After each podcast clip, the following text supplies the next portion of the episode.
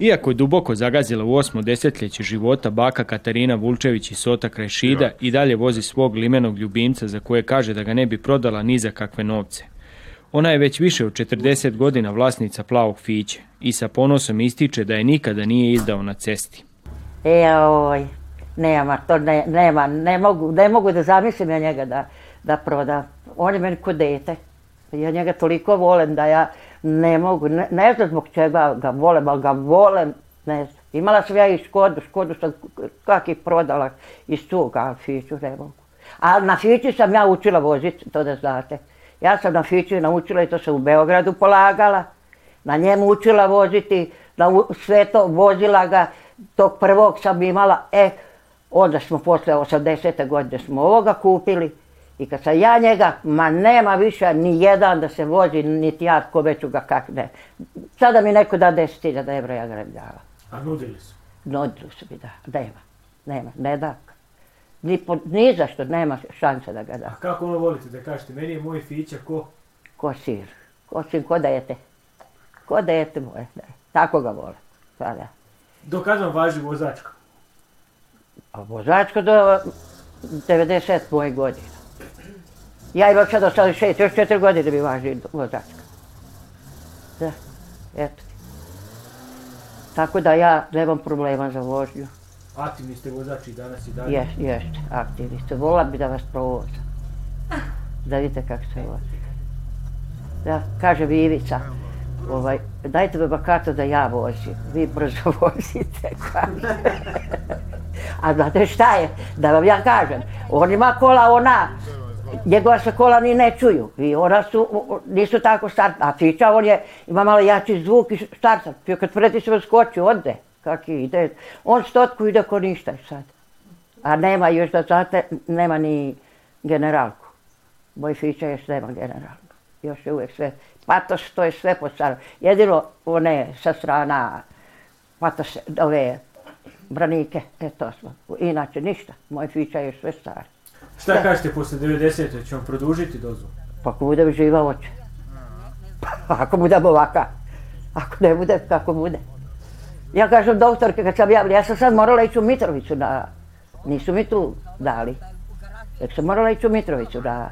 I kad sam otišla tamo, tamo se sve mora, tamo nije ko tu. Tamo morate i krvaditi, pa, to, tamo mora ići, I kad sam otišla, ja kad sam dobila da pet godina, prošle godine sam kaže, ju, pa ću ja toliko godina živit. A ona doktorka meni, psiholog, a ona kaže, pa vi ako ne budete mogli, vi ćete ga ostaviti. Ali sad imate pravo na to, sposobni ste i možete da dobijete. Eto, i oni su mi dali. Čini se da godine junakinji naše priče, kao ni njenom Fići, ne mogu ništa i da su pred njima još brojni kilometri.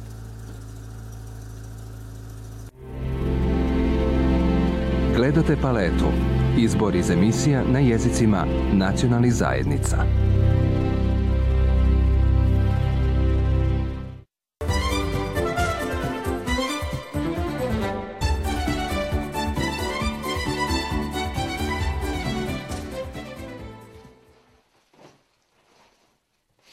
E, nije teško pitanje zašto ja volim narodnu nošnju.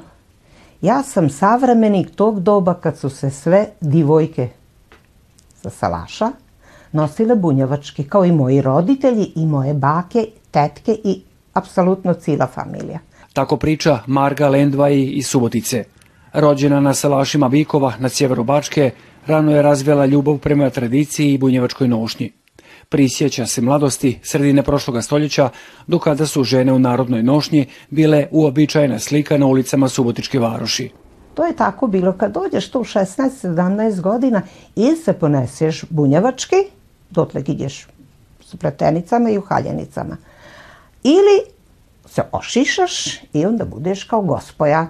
Sad zavisi šta će Počele su bunjevke od kad se udale da se ponesu gospodski, da od bunjevačkih sukanja šiju haljine, što su bili lipi materijali, to je meni tako žao bilo da sam ja prosto počela grabiti, skuplja to meni. Nemoj ovo pokvarit, kupi tebi moderni materijal, ovo ostavi da ja čuvam. I onda sam zatrpala kuću da više nisam znala ni diću s njom.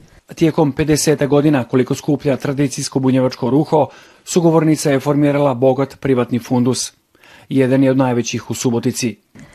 Ovo je, na primjer, crna, teška ligonska svila, koja je za 100 godina dužijance dobila ovaj zlatni vez. Lično sam je ja obukla i dobila je zlatno vlaće, simbol dužijance.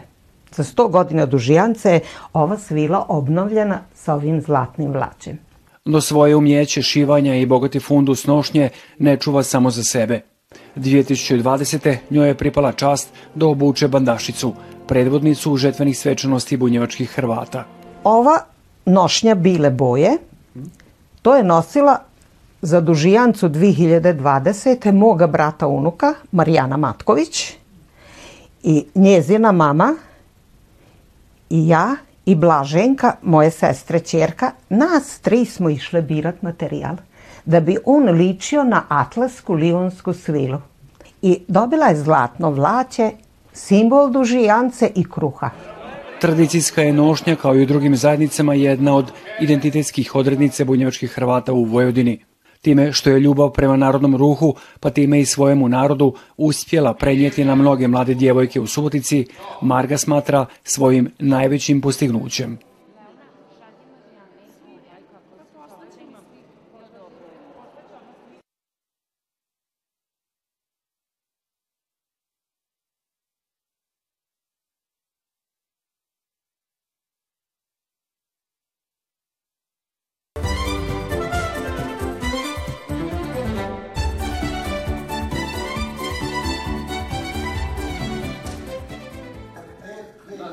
Tambura predstavlja instrument koji je zašao duboko u sve pore kulturnog života Vojvodine, ističe Josip Jurca, tamburaš i dirigent, te dodaje kako je ona sastavni dio mentaliteta i prepoznatljivosti ovih naših prostora.